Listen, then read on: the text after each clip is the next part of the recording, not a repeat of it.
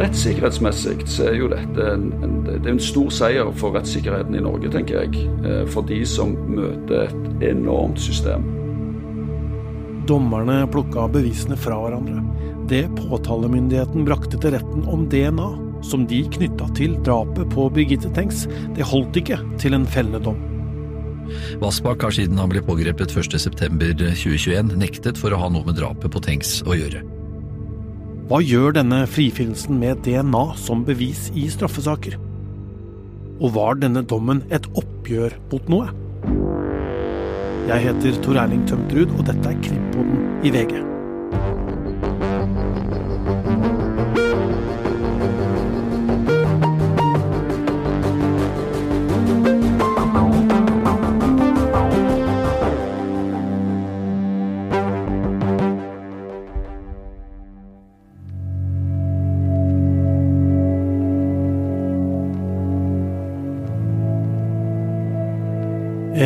Politibil kjører gjennom det flate, åpne og forblåste landskapet på Jæren. Inni sitter Jonny Vassbakk, som har blitt 53 år. Strekningen fra Åna fengsel til Stavanger tingrett har han lagt bak seg mange ganger. Dette skal bli den siste bilturen han må legge ut sammen med folk som holder vakt over ham. For noen timer seinere er han en fri mann, etter to år i varetektsfengsel. Ja, altså i går, Gårsdagen var jo en voldsomt følelsesmessig dag for ham, naturlig nok. Dette er Jonny Vassbakks forsvarer, Stian Christensen. Nå er han tilbake på advokatkontoret i Stavanger, og ser tilbake på en massiv gårsdag sammen med reporter i VG, Preben Sørensen Olsen. Eh, stor lettelse over å bli frifunnet. Enorm spenning hos han eh, til det å komme Eh, til retten. Eh, en så stor spenning at det, det er sånn Kroppen lystrer ikke egentlig det å gå opp de trappene. Eh, nå avgjøres min skjebne. det viktigste spørsmål for meg noen gang. Definerer livet mitt. og klarer egentlig ikke å gå inn i salen. Beina lystrer ikke. For det er så stor spenning i kroppen der hjertet hamrer, og det er suser, og du, du, han kjenner at det svimler for han, og Så vi, vi fikk gjort en ordning, lagt en ordning der han fikk lov å sitte på sida av to eh, politibetjenter i gangen eh, bak forbi eh, benkene. To fantastiske politifolk som har vært med han mye i retten, og som har vært skikkelig gode medmennesker for han i, eh, i de ukene under, under hovedforhandlingen òg, eller ankeforhandlingen. Eh, og det følte han en trygghet ved. Så han satt der bak. Eh, da opplever han et mindre press fordi at ikke alles øyne er retta mot han. Eh, og det trykket som er inne i salen. Og når han etter hvert forstår Jeg tror nok vi forsvarere forsto selvfølgelig før han hva vei dette går. Men når det endelig går opp for han, han skal inn og få den du er frifunnet. Altså marerittet ditt det, det, er slutt. Eh, du er en fri mann, så knakker han jo sammen og, og griner. Og han må jo støttes av uh, en av disse politibetjentene som, som, var der. Etter det så uh, tror jeg for han det var en, en, på mange måter altså vanskelig å beskrive resten av dagen følelsesmessig etter ettermiddag og kveld. men men uh, han ble jo kjørt tilbake til Åna og fikk henta tingene sine. og Han ble kjørt tilbake hit. Mm. Um, og vi tok han opp på kontoret her og fikk snakket litt med han. Uh, et kakestykke her på kontoret. Uh, og så kjørte vi han til Haugesund, nei, til Karmøy nå. Ja. og der kommer vi jo til et mørklagt hus som er kaldt, og lyspærer har røket, og skittent, og som har stått tomt i over to år. Og så er det å og få fyrt i peisen og prøve å få litt varme, og han viser oss rundt. Um, og så handler det jo Han er jo glad, selvfølgelig. Glad. Samtidig så skal han nå på en måte begynne livet sitt uh, på mange måter på ny uh, med en Der hele Norge vet hva vi gjør i Vassbakke. Og vet hans innerste både tanker og historier og ting som har skjedd før, og det er det en, eh, en stor bekymring knytta til. Eh, som nok vil påvirke han veldig sterkt, vil jeg tro. Ja. Hvordan blir Jonny Vassbakks nye liv? Hva har han sjøl tenkt? Ja, Det gjenstår å se eh, hvordan det blir. Eh, akkurat her og nå så er det jo de praktiske gjøremål og eh, jeg få varme i huset og skifte ut de lyspærene som ikke virker, og få mat i kjøleskapet og få hundene hjem. og Det er jo det som er viktigst nå. Så tror jeg bare tida kan vise hvordan framtida blir. Eh, men det er klart, han, han opplever jo seg sjøl som en sånn persona non grata i, egentlig i, i, i samfunnet som sådan. Um, og det er jo ikke Det er jo til å bli paranoid av. Alle vet hvem jeg er. Jeg går på butikken og handler melk, eller Alle vet hva jeg har på en måte gjort tidligere i livet, eller fantaserer om. Eller. Det sier seg sjøl. Det, det, det, det, som, slo meg eh, under lagmannsrettens opplesning av dommen, er at de, de rettssikkerhetsmessig har tatt det helt rette utgangspunkt. Påtale skal bevise skyld, eh, og ikke sånn som vi har hevda eh, i vår prosedyre og vårt innledningsforedrag, at egentlig i denne saken så har bevisbyrden vært snudd. Der en, der en sier OK, vi har funnet et ørlite DNA-fragment fra deg. Vi klarer ikke å finne noen forklaring på hvordan det havna der så du better explain yourself. Og Hvis ikke du klarer det, så er dette gjerningsrelevant. Og da snur du bevisbyrden. Da er det en mann som, som må bevise at han for 28 år siden hadde et eller annet tilfeldig treff, en eller annen dørhåndtak som ble tatt på, et eller annet som er forsvunnet i tida. Eh, og Det er jo det vi, vi, har på en måte vært så uenige med påtalemyndigheten om. Og så opplever vi at lagmannsretten tar det, det riktige utgangspunktet, nemlig at påtalemyndigheten skal bevise hvordan dette havner der. De skal bevise at det er gjerningsrelevant. Og ikke bare synse og tro og mene noe om det, at det er nok til domfellelse. Så rettssikkerhetsmessig så er jo dette en, en, det er en stor seier for rettssikkerheten i Norge, tenker jeg. Eh, for de som møter et enormt system.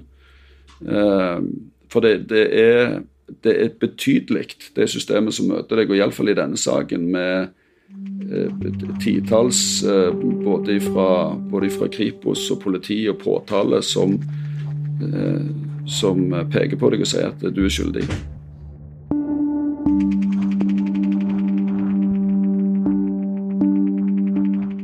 Øystein Milli, nå har du kommet hjem fra Stavanger. Roen har på en måte senka seg litt. Det var jo ja, kan du si, kaotisk i går òg, når denne opplesningen eh, kom. Nå er det onsdag ettermiddag, og vi spiller inn denne podkasten. Eh, kan ikke du nevne et øyeblikk fra denne gårsdagen i Stavanger som du kommer til å huske? Det var jo det øyeblikket hvor jeg forsto at uh, dommerne var dundrende uenige med påtalemyndigheten. Uh, og hadde jo fått noen sånne drypp som jeg tenkte sånn Oi, uh, her går det mot frifinnelse. Eh, vi hørte jo fra start, og det var vi jo inne på i forkant, at det var litt uvanlig at man leste hele dommen fra start av. Ofte kommer slutningen først, og da vet man jo hvordan det har gått, og så får man grunnlaget for hvorfor det gikk som det gjorde etter hvert. Og det blir jo sånn spenningen utløses på morgenen, og så blir det litt sånn transportetappe hvor man får høre detaljene utover dagen. Her var det motsatt, lagt opp til det. Jeg har vært med på det før også. Kim Heger i Oslo tingrett leste jo Jensen-dommen på den måten. Um, men, men da jeg da begynte å jeg, jeg, hørte jo tidlig at det var et 5-2-resultat. Uh, det vil si at to meddommere, og det ble også tydelig, at retten hadde delt seg i et flertall og et mindretall. Det var jo sju dommere her. Fem meddommere og to fagdommere. Altså Fagdommere er folk som jobber i Gulating langgangsrett, og som har uh, jusutdannelse, og som er dommere av yrke. De som sitter med svart kappe. Riktig. Og så er det jo, det bør vi ikke gå inn på nå, men det er litt ulike regler for flertall og mindretall og sånn, men 5-2 ville uansett være flertall for det ene eller det andre. uansett om det var meddommere og hvordan meddommerne og fagdommerne blanda seg i det flertallet. Og vi fikk jo høre også at det var to meddommere som var, hadde tatt såkalt dissens, som det heter, altså hadde stemt motsatt av, av flertallet. Da tenkte jo jeg at, de, at det var motsatt resultat, uh, og at de hadde fulgt tingrettens uh, enstemmige dom, med fem for og to imot.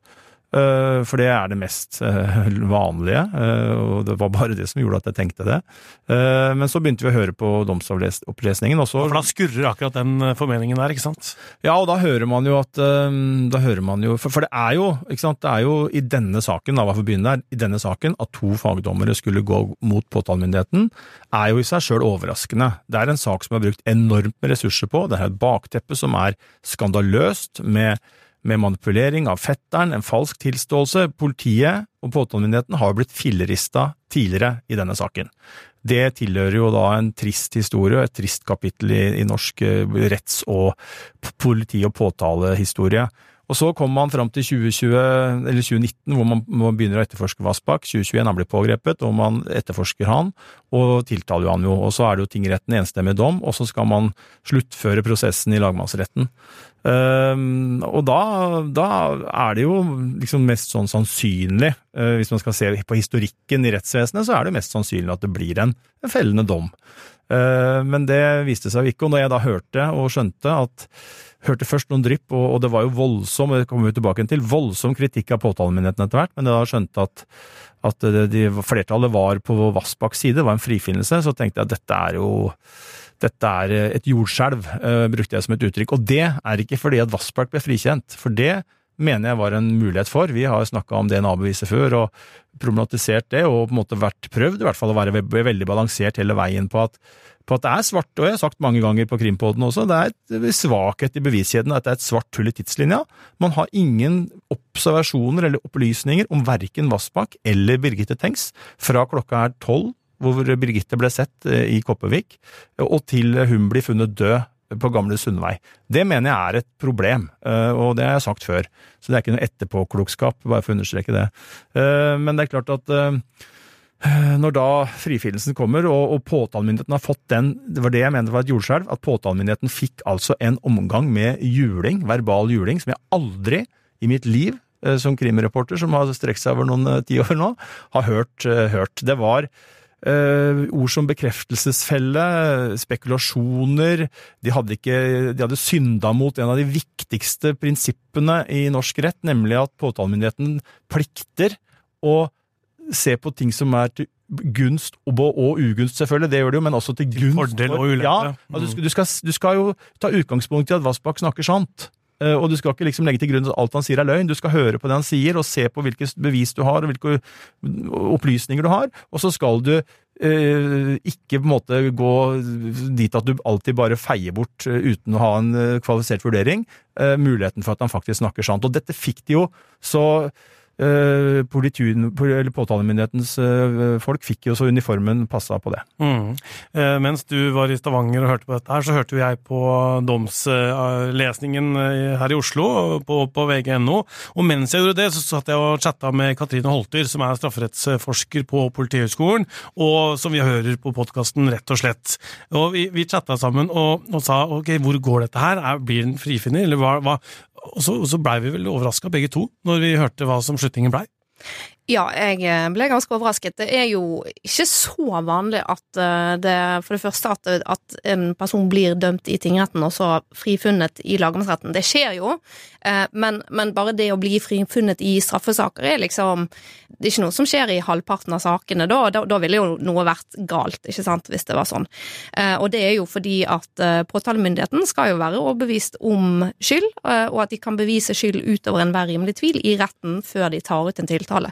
Så når det ikke er oppfylt, så skal man ikke gå til retten. Så hvis det hadde vært liksom helt vanlig med frifinnelser, eh, i den forstand at det var like vanlig som ikke, så ville jo det vært et problem. Så allerede der så er jo det litt overraskende når det da skjer først i annen instans. Og så er det overraskende at det skjer i denne saken, gitt den veldig spesielle historikken som Tenk-saken faktisk har. I denne saken så er det jo nå altså to ulike personer som er da uriktig dømt i tingretten. eh, i denne saken, og som begge da har blitt frifunnet fra straffesaken i lagmannsretten. Så skjedde jo det uheldige for fetteren at han likevel ble dømt til å betale erstatning i sin tid. Mm, og Det, det blei jo ikke da tilfellet for Vassbakk, for da ville jo ikke eh, foreldrene til, til Birgitte Tengs eh, stille noen krav mot eh, Vassbakk hvis han ble frikjent. Nei, det stemmer. De bestemte seg for at de ikke ville ha den situasjonen, og derfor så vet vi ikke hvordan det ville gått. Men ut fra hvordan denne dommen lød, så er jeg faktisk, tror jeg, at det ikke hadde blitt noe erstatning heller, eh, for den var så tydelig, den frifinnelsen. Den var ekstremt tydelig. Og bare for å fylle ut eh, Katrine litt eh, og forklare litt for folk der ute, for det er jo ikke sant, helt riktig som hun selvfølgelig sier, at påtalemyndigheten skal være overbevist om skyld, og at de kan bevise skyld. Det er jo bare sånn for de som ikke vet det, da så er det viktig å si at påtalemyndigheten tar ikke en sak til retten for å teste det og se hvordan det går. Eh, man har en plikt i forkant eh, til å ha en objektiv etterforskning, en objektiv vurdering av skyldspørsmålet, og så skal påtalemyndigheten, som vi var inne på, både se på fordeler og ulemper, argumenter for og mot deg, at du er skyldig, og så skal man eh, også, hvis man ikke føler at man kan bevise skyld i retten, nedlegge påstand om frifinnelse. Det skjedde jo i en voldtektssak her i Oslo for ikke så lenge siden, at statsadvokaten i ankesaken underveis i retten Eh, varsla at eh, oi, her har vi etter vår objektive, eh, samvittighetsfulle vurdering kommet til at vi ikke kan føre bevis for skyld lenger, og derfor så kommer vi til å legge ned en påstand om frifinnelse. Men hvis de skal gå til retten, så må de i hvert fall være eh, veldig, veldig sikre, da. Det? Ja, det skal de være. Og ikke bare skal de være på en måte personlig overbevist om skyld, men de skal også være overbevist om at de kan føre bevis for det på en måte som fører til domfellelse i retten. Det er jo veldig mange ting som er interessant her etter den, etter den dommen her. Eh, men det er jo, bare for å forlenge det igjen, så har vi jo påtalemyndigheten, Påtalemyndigheten, i tråd med det vi sa, om at de er, eh, må ha, være overbevist om at skyld foreligger, at skyld kan bevises, så må jo de være i en slags takt med rettsvesenet. Man kan ikke ha en situasjon hvor påtalemyndigheten har en oppfatning av beviskravet og bevisførsel som gjør at de får 40% av sakene blir pådømt, fordi at de definerer det med å være overbevist om skyld og kunne bevise skyld helt annerledes enn domstolen. Det kan man ikke ha. Eh, og så tåler man, og skal ha selvfølgelig en, skal ikke ha 100 heller, men man må ligge ganske, tenker jeg, tett opptil for at man skal ha, være i takt da, eh, med å vurdere beviskravene likt. Og når man hører og ser hvordan lagmannsretten raljerer og herjer med påtalemyndigheten i denne dommen, så er jeg liksom litt sånn Hva gjør de nå i påtalemyndigheten? Er det en omdreining, da? Et taktskifte i hvordan de må jobbe? Det er jo en enkeltstående dom. Eh, og det er jo sånn at eh, man må Jeg vil jo tro da at de som sitter på riksadvokatkontor og i statsadvokatembetet i Rogaland, Eh, de har mange tanker i dag. Eh, de leser dommen, og så tror jeg de prøver å eh, puste med magen, tross alt. Så er det jo en situasjon som jo som ikke handler om Vassbakks skyld eller uskyld. Han er uskyldig, punktum finale. Men når man skal se bak, bak her, på et faglig nivå fra påtalemyndigheten, så, så er det jo et poeng for dem at de fikk en enstemmig dom i tingretten. Eh, av fem dommere, ikke sant, og så var det to som mente at Vassbakk var skyldig nå. Så det er jo uenighet i retten her, og så er det, bare for å understreke det igjen, at eh, det er jo flertall i lagmannsretten, og det er den, frifin, det er den avgjørelsen som teller. Men når påtalemyndigheten skal se sånn hva er vi helt på, på jordet, gjorde vi, misforstår vi helt, så vil de jo kunne hente støtte for sitt syn og sin håndtering av saken hos de som tok dissens i lagmannsretten og i tingretten. Eh, men så er jo spørsmålet om man likevel tenker at eh, man må Eh, se et større forstand, eller bredere forstand på denne dommen og den, og den kritikken som kommer.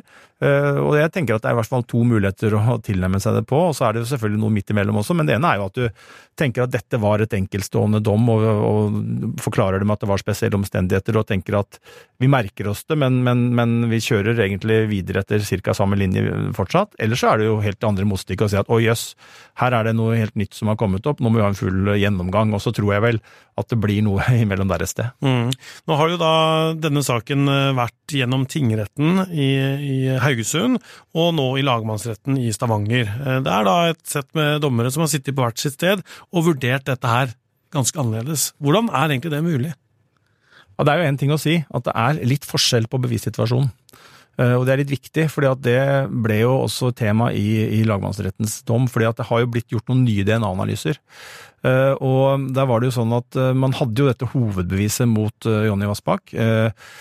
Som, som var grunnlaget for tiltalen og, og dommen i, i tingretten. Og så har man gjort tilleggsanalyser og funnet spor på strømpebuksa etter andre mannlige bidragsytere. Eh, Små, egentlig sånne små funn som man ikke skal rapportere, men som likevel bidro til å sk- å å skape tvil hos lagmannsretten, noe som jo er nevnt i og skrevet om i domspremissene.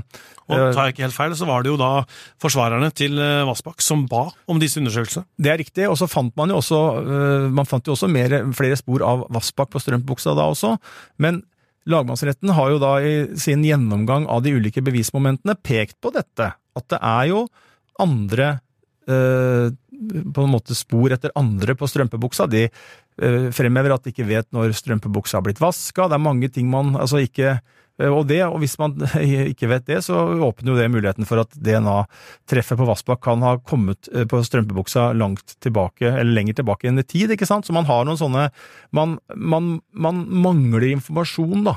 Om viktige elementer rundt hovedbeviset som, som retten ikke er øh, komfortable med, og som de mener påtalemyndigheten har tatt for lett på.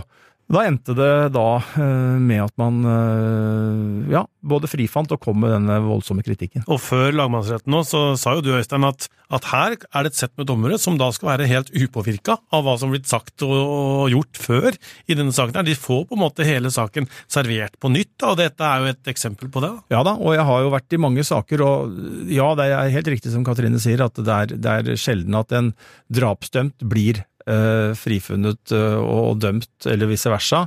Men, men det at lagmannsretten og tingretten behandler flere tiltalte, eksempel, eller ser på straffenivået på ulike måter, det skjer eh, si, jevnlig. Vi hadde en profilert eh, eh, sak mot en utelivsprofil her i Oslo som det ble veldig forskjell på utfallene på. Vi har snakka mye om Orderud i høst. Der var det jo stor forskjell på første og andre runde. Eirik Jensen eh, fikk jo veldig forskjellig, men endte til slutt med det samme. Men han fikk jo en, en ble jo frifunnet av juryen for, for eh, narkotikadelen. Eh, I Nokas-saken så ble jo Thomas Tendrup i sin tid frifunnet. Eh, Da ble juryens kjennelse satt til side, og så ble den likevel dømt. Så her er det eh, det er bare så viktig å på en måte plassere det at det at man kommer til litt, litt ulike avgjørelser, og også helt ulike avgjørelser, det, det forekommer. Ja, det gjør det absolutt. Og, så sånn sett så er det ikke sjeldent, men det er heller ikke sånn at det er vanlig i den forstand at det skjer i annenhver sak, på en måte. Um, bare litt tilbake til dette her DNA-et, ikke sant, og dette DNA-beviset, så er det litt viktig å få frem det at det er jo enighet mellom partene om at dette DNA-et det stammer fra tiltalte i denne saken. Så det er ikke der tvilen ligger. Det som egentlig er spørsmålet, og som domstolen skal ta stilling til, er i hvilken grad dette DNA-et er gjerningsrelevant. Det er et uttrykk som brukes mye i dommen, og med det så mener man om dette DNA-et kan si noe om hvem som har drept Birgitte Tengs, eller om det kan være eller om det ikke gjør det i tilstrekkelig grad. Um, og der er det at eh, påtalemyndigheten eh, nok har tenkt at, eh, at det er bare teoretisk tvil som tilsier at dette DNA-et kan ha kommet på strømpebuksen til Birgitte Tengs på noen, noe annet vis. De har jo da funnet DNA-treff um, både på låret og oppe under linningen under, um, på strømpebuksen. Um, mens der eh, domstolen ikke er enig i det. De mener at det finnes rimelig tvil, og at det er andre forklaringer som, som det er rimelig å legge til grunn at kan tilsi at dette DNA-et har da eh, smittet over egentlig via dette partiet på låret og opp til den linningen på strømpebuksen, når den strømpebuksen av da en potensiell tredje person har blitt trukket ned på ankelet. Um, og en av de forklaringene som, som man da fremhever eh, i dommen, er at uh, og, det domstolen da gjør, er altså å fremheve alternative forklaringer, og det er da at Birgitte kan da ha haiket med denne tiltalte på et tidligere tidspunkt, som da har tatt henne på låret. Uh, og man viser da til at dette var jo da en, en periode der hun haiket mye og ofte, og han drev en slags sånn nærmest sånn taxivirksomhet for jenter i området. Så viser jo retten til disse hårstråene også, som eh, er, var i hånda hennes, som de heller ikke deler påtalemyndighetens eh, syn på at man kan se bort fra. For det, vi hørte jo mye i retten at eh, hår eh, er flyktig, og at man ikke må se på hår på samme måte som det er så lett for hår å komme på alle mulige steder. Ja, Mm. eh, og det var jo et argument som retten eh, vurderte og jo ikke var helt enig i. Eh, Og så brukte jo påtalemyndigheten, og det merka vi oss, eh, litt andre eh, argumenter, eller litt andre illustrasjoner på dette DNA-beviset i, i lagmannsretten. Fordi at de viste blant annet fram en person som var kledd som Birgitte med, den kvelden, med et veldig langt eh, Det var vel nærmest en kjole, eh, som jo gjør at eh, det er langt fra kjolekanten og opp til eh, linningen, eller trusekanten som de brukte som uttrykk i lagmannsretten, hvor dette DNA-treffet, som jo var grunnlaget for pågripelsen, eh, ble funnet i en blodflekk. Og det er jo sånne ting som påtalemyndigheten mente liksom eh, gjorde det lite sannsynlig, eller usannsynlig egentlig, at, at Vassbakks DNA kan ha havna der eh, under de omstendighetene, uten at han har, eh, har gjort det. Og det er som Katrine sier, det er akkurat der det står og faller. da. Fordi at lagmannsretten og dommerne og flertallet der, de gjør en helt annen vurdering av sannsynligheten for at, at det må være gjerningsrelatert. De, mener at nei, det behøver det slett ikke, det er ikke i nærheten av å være godt nok bevist, mens, mens påtalemyndigheten mener noe annet. Ja, det er jo da funnet DNA fra minst tre andre menn, og hår fra minst fem personer. Og en av de tingene som, eh, som domstolen da ser på, og som, som frem, de fremhever, da, er at man har jo ikke funnet hår fra tiltalte i hendene til Birgitte. Det var lyse hår, og, og tiltalte hadde vel da mørkt hår, så vidt jeg har forstått. Eh, og Eh, og det syns man da er litt merkelig når det har vært en dødskamp, at ikke det har havnet hår fra han i hennes hender. Mm. Når du har lest dommen, eh, Katrine, eh, og sett på, måte på den kritikken som kommer mot eh, påtalemyndigheten, hva er det du har eh, bitt deg merke i? Altså Det er jo først og fremst på en måte omfanget, altså hvor mye kritikk det er. Når jeg leste dommen, så, så bestemte jeg meg for at jeg skulle For da hadde jeg hørt allerede i media at det var mye kritikk. Og når jeg skulle lese denne grundig sjøl, så tenkte jeg at nå skal jeg markere i grønt alt som er kritisk i denne avgjørelsen. Og for å si det sånn, det dokumentet var ganske grønt til slutt. Um, så, og det er oppsiktsvekkende skarpt. Altså, vi var inne på altså, bruk av uttrykk som spekulasjoner, bekreftelsesfelle. Eh, At eh, påtalemyndigheten har vært mer opptatt av å få egen hypotese bekreftet enn å, enn å fremheve det som eh, taler for tiltalte. Um, at, man, eh, at de har mistenkeliggjort tiltaltes forklaring der det ikke passer med deres hypotese. Eh, og at de overlater til forsvarer å føre bevis om det som er til uh, Vassbakks fordel. Um, og det er jo eh, et, et sted skriver de også at alt som ikke passer, blir definert vekk. Som for eksempel disse fremmede hårene på Birgitte, som omtales som flyktige og ikke kan bevise noe som helst. Eh, og denne bekreftelsesfellen, det er jo eh, noe som er kjent fra vitnepsykologisk eh, litteratur. Det handler jo da og Her er ikke jeg, jeg er ikke noen psykolog og ekspert på dette, men det handler jo om at når man først har Særlig når man først har tatt en beslutning i en sak, eh, og man har på en måte landet ned på noe som man tror på, eh, så har man en tendens til å tolke vekk og bortforklare all informasjon som ikke stemmer med den beslutningen og det man har eh, kommet til i denne saken, og det er det altså da påtalemyndigheten anklages for å gjøre. Og det vil jo da i så fall være et eh, brudd på det som heter objektivitetsprinsippet, og som er veldig viktig, og som er at påtalemyndigheten skal på en måte ikke være en sånn um, hvem som helst advokat som står i retten som en motpart. De skal jo gå i retten og legge frem både det som taler for, og det som taler mot. Og det er jo Og ikke minst etterforske da, før, før det. Absolutt, det skal også skje i etterforskningen. Og det man eh, skriver i denne dommen, er at de mener at denne etterforskningen ble veldig ensrettet etter at man gjorde dette DNA-funnet som knyttet Vassbakk til, til eh, denne strømpebuksen. Hvis dette stemmer, at de har havnet i en sånn bekreftelsesfelle, så sier det noe om kraften av det å stå i en sak som har vært uoppklart såpass lenge, og som veldig mange ønsker å få oppklart, og der det føles ekstremt viktig å få til. Og så finner man plutselig noe som er, og virker jo, og som absolutt er høyst relevant.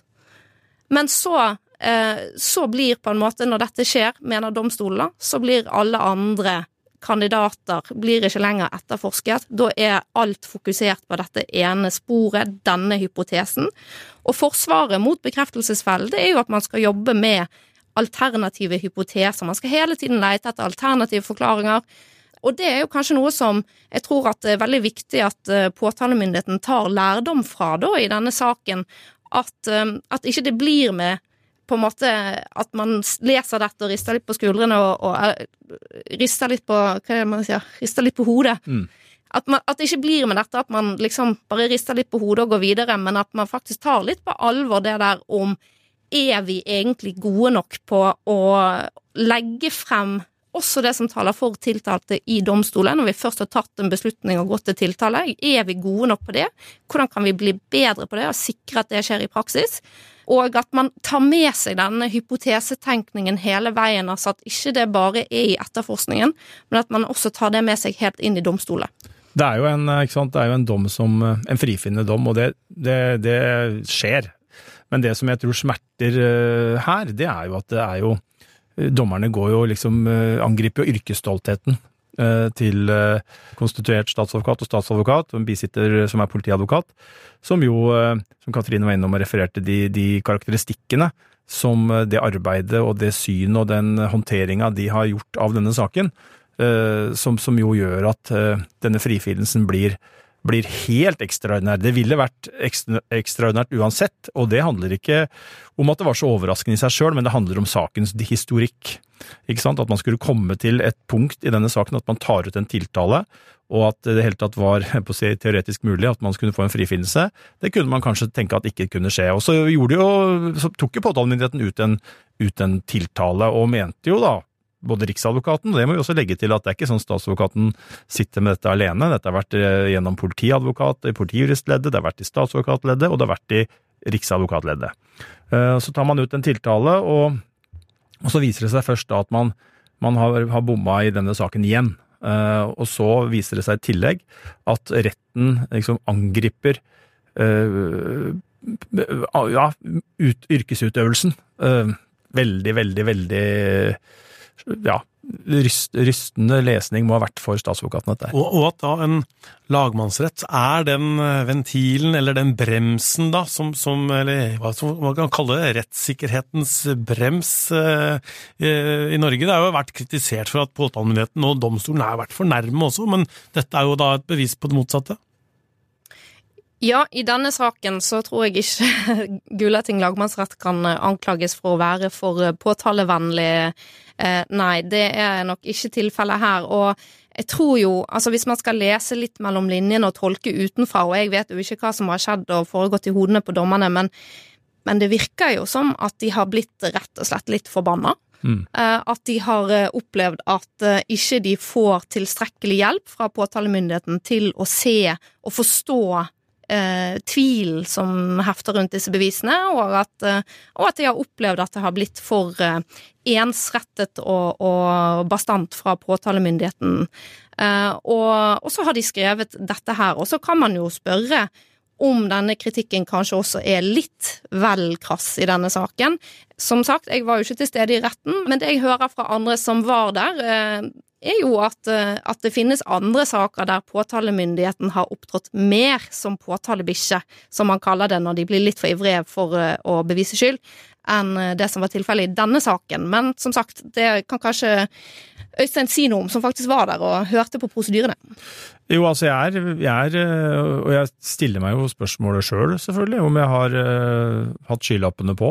Fordi at uh, jeg, jeg så jo ikke uh, kritikken komme. Jeg uh, har vært uh, åpen på at det, kunne komme en, at det kunne komme en frifinnelse, og at hvis retten, som vi har vært inne på mange ganger, ikke mener at det er sikkert at det DNA-beviset er gjerningsrelatert, og da, som jeg er inne på også, dette med hull i tidslinja, Vassbakks forklaringer, andre andre spor på åstedet, at det skulle bli tillagt vekt, så, så, så kunne frifinnelse komme. Men men, men at jeg, jeg, Ja, jeg lurer jo på om jeg har vært uh, for sløv i å følge med. Uh, for jeg har jo liksom ikke oppfatta aktoratet på den måten og bevisførselen så øh, Ja, jeg har jo jeg har, Men jeg har, ja, jeg har også hørt at de har tatt bort ting og lagt vekk ting og snakka ned ting og trukket fram ting, eh, men, men ikke noe sånn utover det som eh, det handlingsrommet som jeg opplever at et aktorat har i en rettssak.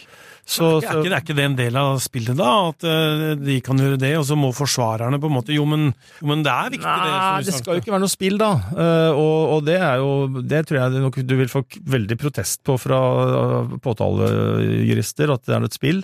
Det skal være fair trail, og det skal være objektivitetsprinsipp. Og, og det var jo som jeg var inne på, bør ikke gå langt tilbake med å se at det forekommer at statsadvokater og politijurister kaster korta i, i retten og sier at eips, denne saken så annerledes ut når vi hadde den i papirform. Ikke så bokstavelig som jeg sier det nå, men i praksis er det jo det. ikke sant? Vi hadde, vi hadde saken i papirform, vi har lest gjennom alt, og nå får vi høre det muntlig i retten. Her har det dukka opp nye ting, folk har forklart andre ting, eller vi ser ting på et annet måte. Vi har ikke den overbevisningen lenger, og da, da kommer jeg til å nedlegge en påstand om frifinnelse. Eller at det dukker opp nye bevis underveis. Og det, det så, så hele den derre Innenfor den vanlige ramma så foregår det både frifinnelser, det foregår statsadvokater som, som nedjusterer tiltaler, det er statsadvokater som uh, kaster kortene og sier at vi må frifinne, og det er det eneste riktige, og da er det ikke noe prestisje i det. Det skal det ikke være. Uh, og, men, men, her har vi en, en, situasjon hvor denne kritikken kommer liksom langt utafor det som er det vanlige uh, rammene, og, og, og, det er det som måtte, er så og det, og det er litt overraskende. og det og jeg, Det er derfor jeg spør meg sjøl om jeg har, har vært øh, Nå har jeg ikke fulgt den saken så tett i lagmannsretten, det skal jeg innrømme, som vi gjorde i tingretten. Men, øh, men, øh, men jeg, ja, jeg stusser jo over at, at, det er så, ikke bare én gang, men så mange ganger, så harde ord. Når dommerne reagerer såpass sterkt i denne saken, og hvis vi da Hvis det da stemmer da at ikke de har vært spesielt langt utenfor det handlingsrommet som mange eh, aktorer mener at de har og opererer innenfor i mange andre saker, så vil jo det at man reagerer såpass sterkt i denne saken, egentlig bety at påtalemyndigheten nesten må ta det mer på alvor. For det betyr jo at det er en reaksjon også mot eh, påtalemyndighetens praksis mer generelt. Mm. Eh, og det er derfor jeg tenker at selv om man kan diskutere om kritikken går litt for langt i denne saken, så bør man ikke eh, på en måte stoppe der. Man må likevel spørre kan vi lære noe av dette. Er vi gode nok på å fremheve de argumentene som taler for tiltalte også i straffesaker? Tar vi objektivitetsplikten tilstrekkelig på alvor når tiltale først er tatt ut? Eh, og det ser jeg frem til å se hvordan påtalemyndigheten skal følge opp, og der er det jo Riksadvokaten som har det overordnede fagansvaret. Og så er jo da dommerne i denne saken, de har sittet og diskutert eh, dette her og falt ned på eh, konklusjonen, og det, det blir jo beskrevet i, i, i, dommen. Dommen er jo 42 sider, det er jo et ganske langt dokument, men som dere sier, det, tillegg så gir man denne tilleggsdimensjonen da, med denne kritikken. Det er et signal fra domstolen til påtalemyndigheten og samfunnet. da. Er det, er det noe dommere liksom pleier å gjøre? Bare for å skyte inn før Katrine svarer, så er det jo to statsadvokater, tidligere statsadvokater også, som er dommere her. Som er dommere, mm. ja. ja. det er ganske interessant. Um, nei, altså, om det er Det er ikke vanlig, nei. Og dette her Og, og det å se så mye av det, det er i alle fall helt uvanlig. Det, det kan hende at det av og til er en og annen oppstrammende setning, men, men nei. Dette er ikke vanlig men at det er innenfor domstolens rolle å gjøre det, det mener jeg absolutt at det er. Som en samfunnsaktør? Som en samfunnsaktør, og det å gi en sånn oppstramming til eh, myndighetene på denne måten, det tenker jeg er helt i tråd med domstolens samfunnsoppdrag. Altså det er sagt. Ja, vi har jo det. Det er jo derfor vi har domstoler. De skal være uavhengige, og de får kritikk for at de av og til er for påtale, i hvert fall for forsvarerhold, så mener jo de at domstolene er for, for, for påtalevennlige. Så når vi snakker om de rammene, så snakker vi ikke om at de ikke skal kunne gå utafor de rammene, men vi snakker om det som har blitt noen sånne vante rammer, en kutyme mellom eh, dommere, aktorat og Forsvaret, så har man på en måte skapt seg en sånn, et lite univers, og inni her så jobber man og argumenterer man, og så er det noen dommer som er eh, krasse, og noen er litt krasse, og noen er ikke så krasse, og noen gir eh, forsvareren rett, og noen gir påtalemyndigheten rett. Men det var det jeg mente, at innafor det oppgåtte, vante eh, på å si, inngjerda området som de har bevega seg innafor, der tar Gulating lagmannsrett oss rett ut og på en måte er ordentlig sånn vakthund eh, mot, mot påtalemyndigheten, og setter på en måte en ny standard i å kritisere påtalemyndigheten. Og da er det som vi har vært inne på, et store spørsmål er jo hva gjør eh, påtalemyndigheten med denne dommen, eh, som har eh, på en måte eh, i, i, ytterste konsekvens så, så, så, ryster den over hele bevisvurderingsgrunnlaget og hva man har tenkt i en del saker i påtalemyndigheten tidligere, som, som man må tenke nytt om i ytterste konsekvens. Og i Orderud-saken i første instans i dommen der, så er det jo forsvareren som får en sånn type refs fra dommeren for å ha gått, eh, mener man da, for langt i å skulle peke på en tredjeperson som dommeren mener det er ingen grunnlag for å peke på. Eh, så det skjer jo, men da er det snakk om én setning, en bisetning i en eh, dom, og ikke en sånn eh, Hva skal vi kalle det her for noe? For et, eh, et slags Det bærer liksom preg av et oppgjør med en slags eh, kultur, nærmest. Mm. Hva nå med DNA? Uh, vi har fått spørsmål uh, i Krimpoden tidligere. Uh, husker jeg som skrev sånn DNA, men jeg trodde det var bankers. Altså, Nå har man da en ny teknologi som liksom da skal løse alle disse gamle sakene. Man, man trenger ikke så mye materiale for å finne fullverdige DNA-profiler. Eh, og man har hatt et, sånt, et håp og en eh, litt sånn DNA-tro da, på, på disse sakene. Hva skjer med det nå? Jeg tror jo at uh, fortsatt DNA kommer til å være et, bevis, og et tungt bevis, og kanskje også et fellende bevis, men, men, ikke alene. Det er jo en annen gammel sak som er løst hovedsakelig på DNA, nemlig drapet på Kristin Juel Johannessen, hvor en mann ble dømt eh, etter mange år etter at ny DNA-teknologi uh, ga gjennombrudd i at de fant hans profil. Der hadde man en historie å fortelle så kan man jo som dommer velge å synes at historien er god nok eller dårlig nok, men man hadde på en måte en, en tidslinje og en hendelsesforløp som gjorde at man kunne plassere det DNA-treffet i en kontekst. Og jeg tror det har vært påtalemyndighetens hovedproblem her, og vi har snakka om det, og jeg skal ikke gjenta det mer nå, men vi har sagt det gang på gang i Krimpodden at det er en svakhet at man har dette svarte hullet i tidslinja. Eh, man vet ikke hvor Vassbakk var, og man vet ikke hvor Birgitte var. Eh, fra, et kritisk tidsrom. Fra midnatt eh, så vet man Birgitte Tengs var der i Kopervik, og så dukker hun opp død på, på åstedet. Og, det, eh, og da, der starter nok tvilen, fordi at man, man, man har ikke noe treffpunkt mellom de to som er dokumentert. Eh, og man er heller ikke noe eh, For det ene kunne vært at man hadde et treffpunkt mellom de to, som gjorde at man kunne gå videre, eller at man hadde en observasjon, eller noe som gjorde at i hvert fall Vassbakk var i nærheten av åstedet, eller kunne knyttes i området der. Da, da, da hadde kanskje retten sett annerledes på det, men det ikke, man har jo ikke det. Er liksom, det er et DNA-spor som bare er truffet boff på strømpebuksa, og der er påtalemyndigheten og, og retten fullstendig uenige om hva man kan lese ut av det. Uh, og det er jo òg viktig å legge til her at denne saken, altså bevisene i denne saken, det er jo en gammel sak, og bevisene er gamle, og det er et spørsmål om man på dette tidspunktet i 1995 hadde kommet tilstrekkelig langt i bruk av DNA til å få sikret bevisene på en god nok måte.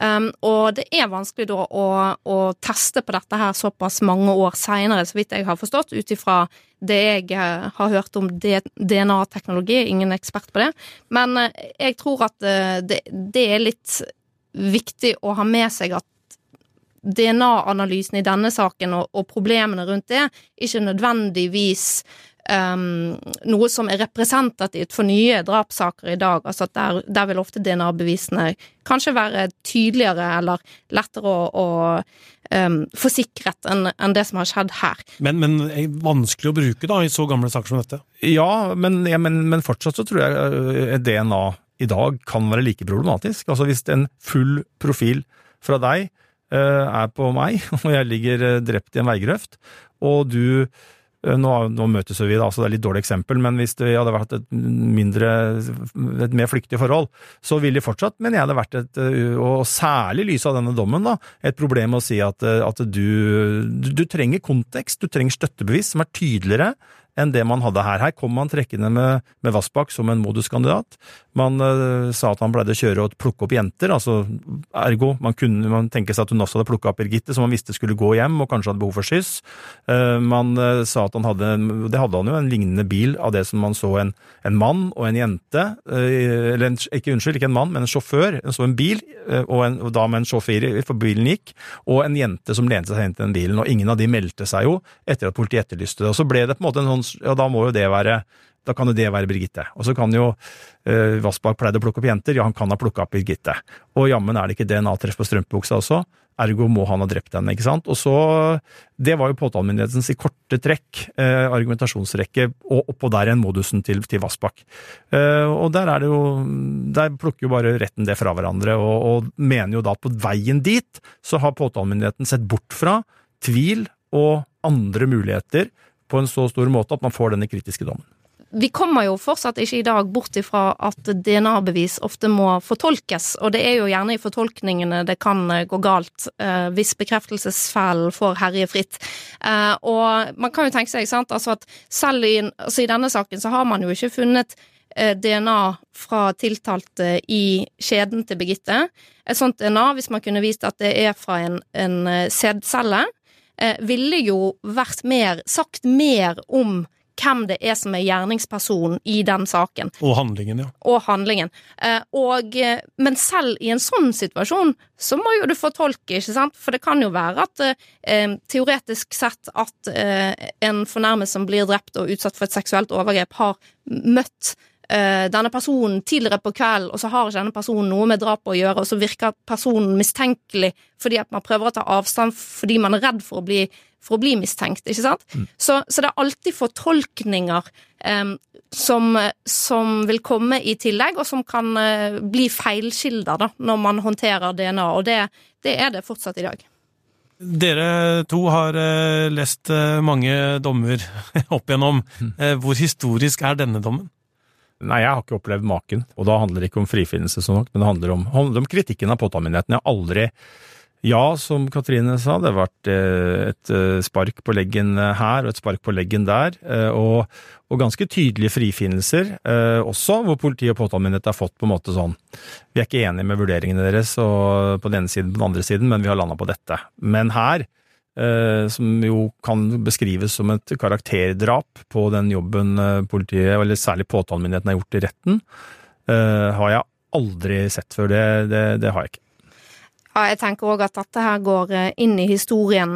Det er rett og slett svært uvanlig, altså både fordi at det er snakk om en sak som har den historikken som eh, den har, eh, der to personer altså nå er domfelt eh, uriktig i tingretten og frifunnet i lagmannsretten, men også da denne kritikken mot påtalemyndigheten som er så tydelig.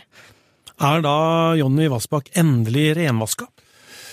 Ja, det håper jeg at folk eh, der ute eh, respekterer den dommen. Det er en del av rettssystemet vårt. Nå har han vært tiltalt, eh, og vi i VG har identifisert ham. Og det har vi begrunna, og det kan folk finne på, på, VGs, på VG.no hvis de vil det, begrunnelsen for det. Men det handler jo blant annet om den store offentlige interessen og åpenheten i rettsvesenet. Åpenheten i rettsvesenet. Men, men, det er klart at nå er han uskyldig.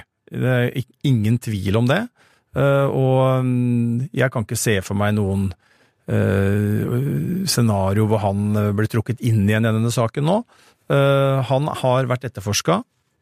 Bevisene holdt ikke. Lagmannsretten har frifunnet han, og, og, og han skal ha en erstatning.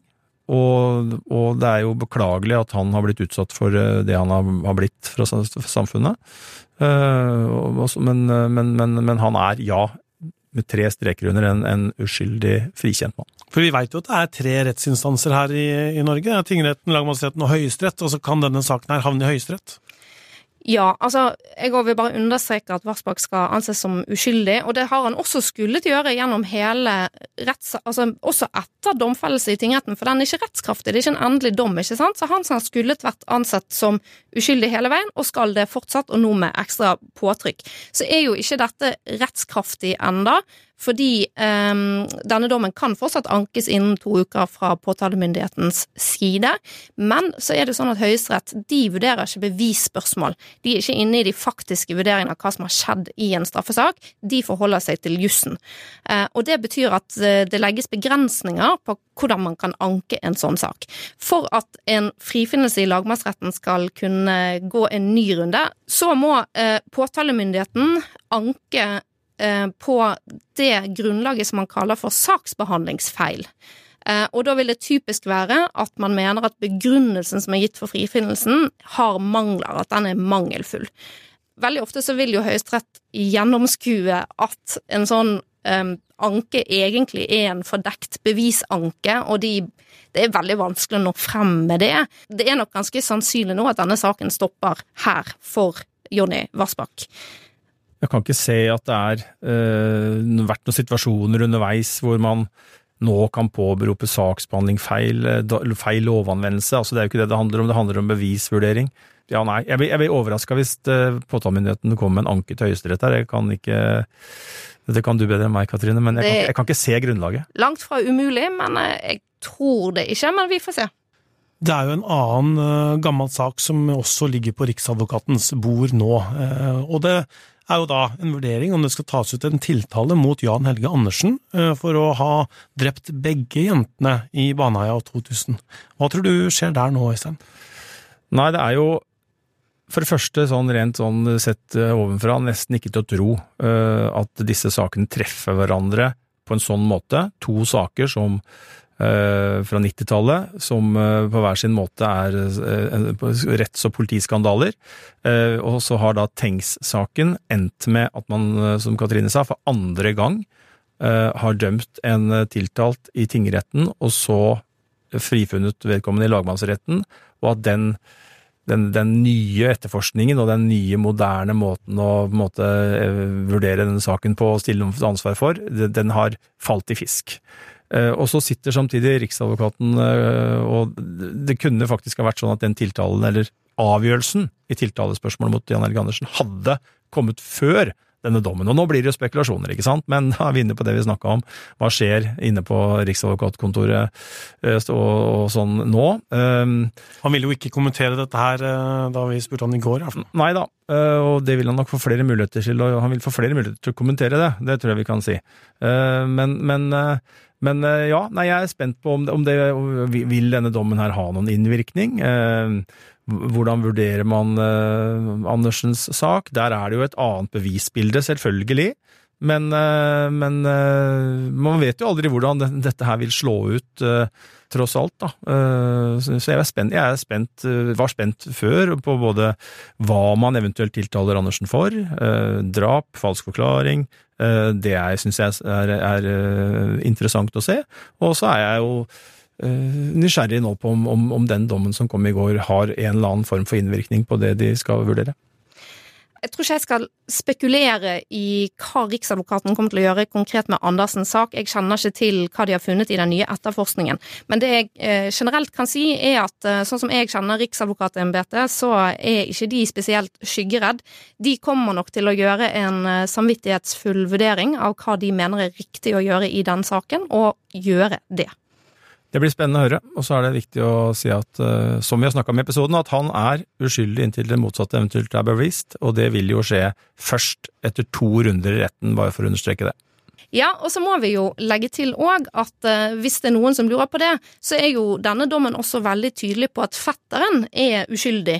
Gulating skriver jo rett ut at den tilståelsen i hermetegn, for det var jo ikke en ekte tilståelse, det var en forklaring som han skrev under på, uh, men at uh, den kom frem som et resultat av at fetteren ble utsatt for manipulasjon, løgn og psykisk tortur. Så er jo spørsmålet da, selvfølgelig, blir denne saken løst, får vi vite hvem som uh, drepte Birgitte Tengs noen gang. Og jeg uh, tror at svaret på det er nei. La oss plukke opp tråden med forsvarer Stian Christensen og praten med reporter Preben Sørensen Olsen, som vi begynte denne episoden med. For det at Jonny Vassbakk har fått sitt navn og bilde og intime detaljer fra privatlivet sitt klistra rundt i offentligheten, det har Christensen noen meninger om. Ja, Det har jeg ganske sterke tanker om. Uh, og det kan godt være det kommer et etterspill på det. Uh, og Jeg husker jeg hadde de diskusjonene med mediehusene. Det var jo når tiltalen ble tatt ut, og der det var der dette var begrunna med at allmennheten trenger å vite, og, og lokalsamfunnet trenger å vite. Og Det var jeg voldsomt uenig i. Eh, og ble jo, ble jo, ikke hørt på det. Og så registrerer jeg at eh, de lokale mediene, sånn som Stavanger Aftenblad og Haugesunds Avis, som jo faktisk er de som gjerne da, hvis du skulle følge den argumentasjonen, faktisk var de som gjerne burde gått ut med navn og bilde, de velger å anonymisere. Og det har jeg stor respekt for, og det var selvfølgelig riktig. Og jeg tror, det, jeg tror de kjenner godt på det i dag, for å si det sånn, at de valgte det. For det er klart at det er jo det, er jo det som mediene har, har, gjort ved å identifisere han, som gjør livet hans fryktelig vanskelig nå framover. Alle vet hvem han er.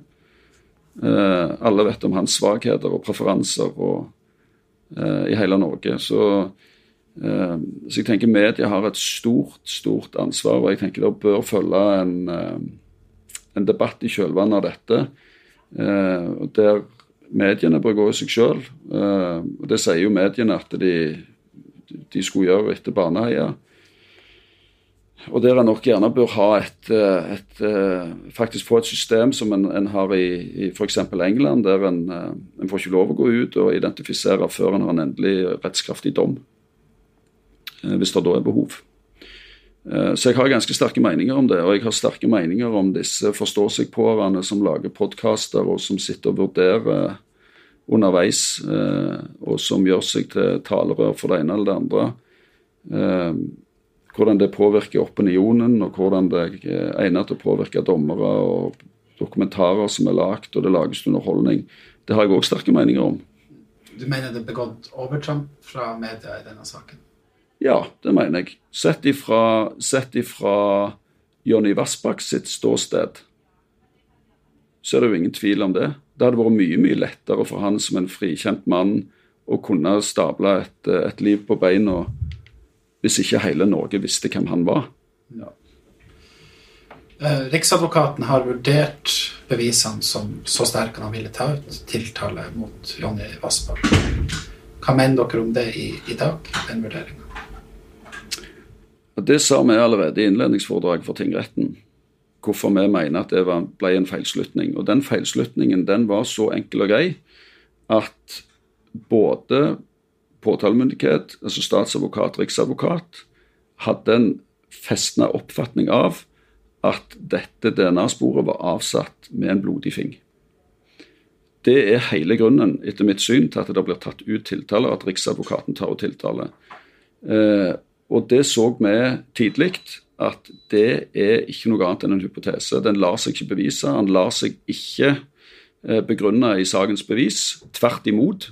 Tvert imot så er det undersøkelser som, som med styrke taler for at det ikke kan være avsatt med en blodig fing. Eh, så det har vi, det har vi vært eh, veldig klare på helt siden innledningsforedraget i, eh, i, eh, i, tingretten. Og der tror jeg feilslutningen ligger. Jeg er sikker på at den ligger der. Eh, og at det er derfor det ble tatt ut tiltale. Og det handler om at en ikke har vært kritiske nok når en har gått gjennom bevisene og sett dette i sammenheng med hva er det som underbygger påstanden vår eller hypotesen vår at det er avsatt med blodig fing. For, for det har ikke støtte i bevisene. Enkelt og greit. Det er jo også et spørsmål om erstatning. Når begynner dere å se på det?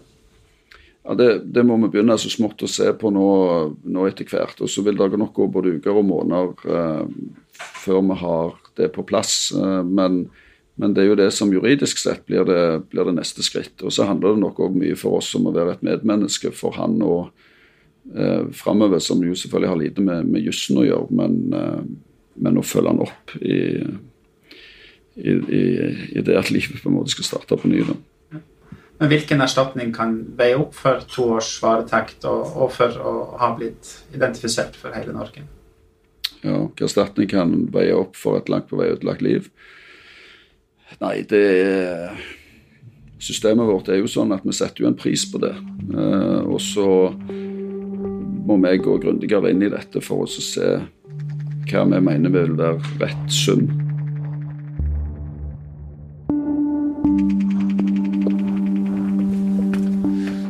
Og dette med identifisering, det har vi fått mange spørsmål om. Og jeg går bare opp en trapp her, så treffer jeg eh, ansvarlig redaktør i VG, Garit Steiro, som kan si mer om dette her. Hei, Tor Erling. Hei. Stig inn her, du. Gard, vi har snakka med forsvareren til Jonny Vassbakk, Stian Christensen. Og han er kritisk til dette med identifisering. Eh, hva slags ansvar har VG for den belastningen det har gitt Vassbakk? Ja, vi har et ansvar for belastningen eh, naturligvis det har påført eh, Vassbakk, men jeg mener likevel det var helt riktig å identifisere han. Det er en utpreget misforståelse at mediene identifiserer personer fordi vi tror de er skyldige det er ikke tilfellet. Grunnen til at vi identifiserer i de mest alvorlige straffesakene, det er at publikum har et berettiget informasjonsbehov. I de mest alvorlige straffesakene så bør det være åpenhet om hvem som er tiltalt. Og Tenk-saken er en svært alvorlig sak, og det er en veldig spesiell sak. Og jeg mener helt bestemt at i en sak av denne karakter så bør det være full åpenhet. Det er av hensyn til publikum, men det er òg av hensyn til de involverte. Og vi skal huske det at åpenhet det er et viktig prinsipp i den norske rettsstaten. Det er det som sikrer rettssikkerheten. Det at det er full åpenhet. Da har man åpenhet om bevis, da har man åpenhet om politiets metoder, om det som retten gjør. Så det er ikke sånn at mediene vurderer er denne personen skyldig. Tror vi han er skyldig? Da identifiserer vi. Sånn fungerer det ikke. Men det er jo aviser her som ikke har uh, gitt navnet hans? Ja, og mediene tar ulike valg, og godt er det. Det fins ikke noe fasitsvar i identifiseringsspørsmål. Vi skal være varsomme med å identifisere tidlig i straffesaken. Og Det vil si når folk er mistenkt eller siktet, og noen ganger tiltalt. Og så skal vi være ekstra varsomme når det er unge lovbrytere. Men det er når de er de alvorlige straffesakene, da skal vi identifisere, etter min mening. Hva vil du gjøre da, hvis det kommer noen etterspill eller krav mot VG her? Nei, Det tar jeg med knusende ro. Eh, og det er selvfølgelig uh, Vassbakk og hans forsvarere kan prøve dette for PFU. De kan selvfølgelig saksøke oss, men jeg er trygg på den beslutningen vi har tatt, og jeg er trygg på at det var riktig for VG å gjøre det, i likhet med veldig mange andre medier.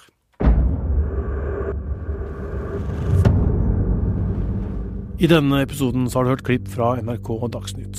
Det er Ruth Einoen Nilsen som har laga den, og vi har fått hjelp fra hele VG, og særlig Preben Sørensen Olsen, som intervjua forsvareren. Resten av Krimpodden-gjengen er Vilde Worren, Hanna Espevik, Øystein Milli og jeg, Tor Erling Tømtrud. Nyhetssjef er Emilie Halltorp. Og har du innspill eller spørsmål til oss, så søk oss opp på Facebook eller Instagram, eller send en mail til krimpodden at vg.no.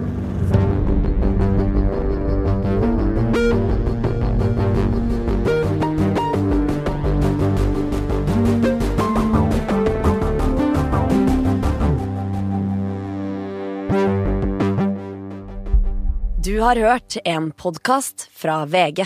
Ansvarlig redaktør, Gard Steiro.